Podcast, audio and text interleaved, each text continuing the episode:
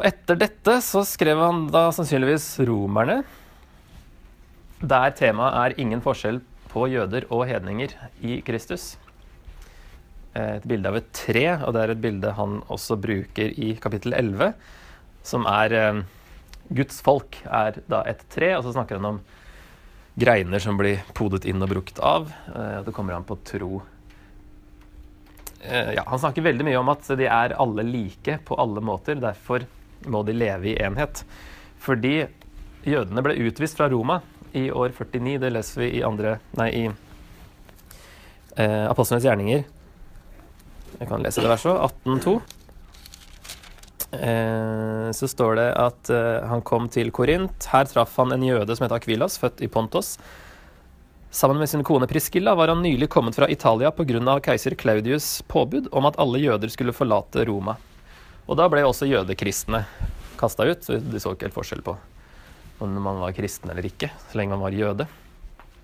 Så de ble kasta ut og var utestengt i ca. fem år. Pga. Eh, oppstyr rundt Krestus, er det en av de romerske historieskriverne som sier. Mest sannsynlig var det Kristus. At det var noe styr rundt Jesus i jødiske eh, kvarter. Og så ble det for mye bråk, og så ble de kasta ut. Og så, når Claudius døde og Nero ble keiser, så ble alt sånn automatisk annullert. Så fikk de komme tilbake igjen. Men i de fem åra så hadde menigheten da blitt veldig hedningekristen. Det var jo bare hedningekristne der, så de hadde forma ting på sin måte å praktisere troen på.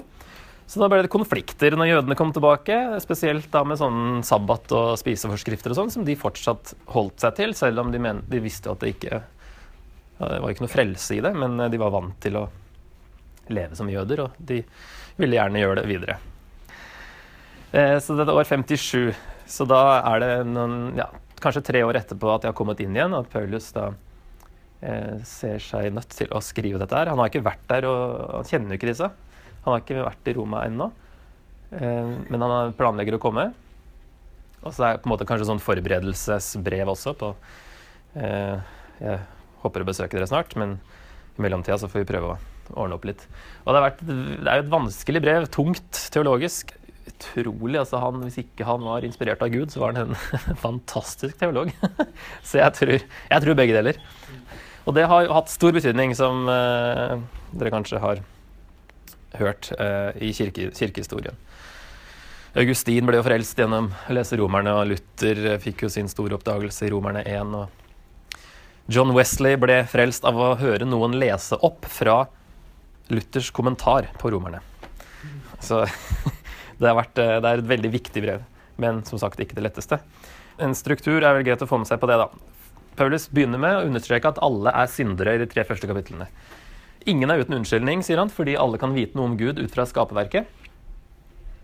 Spesielt hedninger, som da ikke vet noe mer enn det. Så kan alle vite noe om Gud. Og ingen jøder holder hele loven, så de er heller ikke uten unnskyldning. Alle er syndere. Så sier han at alle er frelst på samme måte, altså ved tro som Abraham ble, altså før loven kom.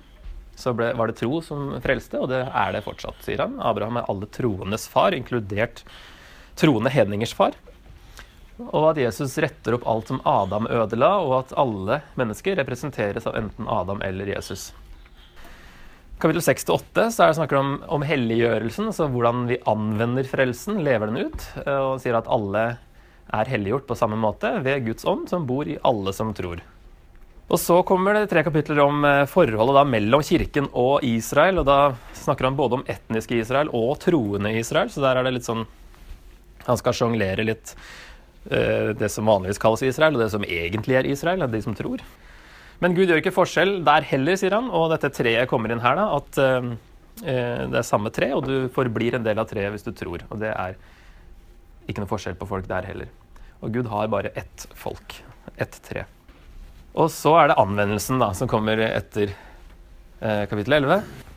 Det begynner med 'derfor'. Og 'derfor' viser da tilbake på elleve kapitler. Alt han har snakka om fram til da. Derfor. Lev i enhet, fordi det er ikke forskjell på dere i det hele tatt på noe som helst eh, punkt. Og så trekker han fram f.eks. nådegaver i kapittel 12. Eh, det er jo noe som skal hjelpe på enheten. Og i kapittel 14 så er det da sabbat og mat som er tema, og Paulus sier riv, riv ikke ned Guds verk pga. mat. Legg bort sånne ting som ikke er, uh, som ikke er viktig. Ikke la det ødelegge enheten. Legg bort vaner og tradisjoner. Og ikke la det bli for viktig. Så fokuser heller på å styrke fellesskapet.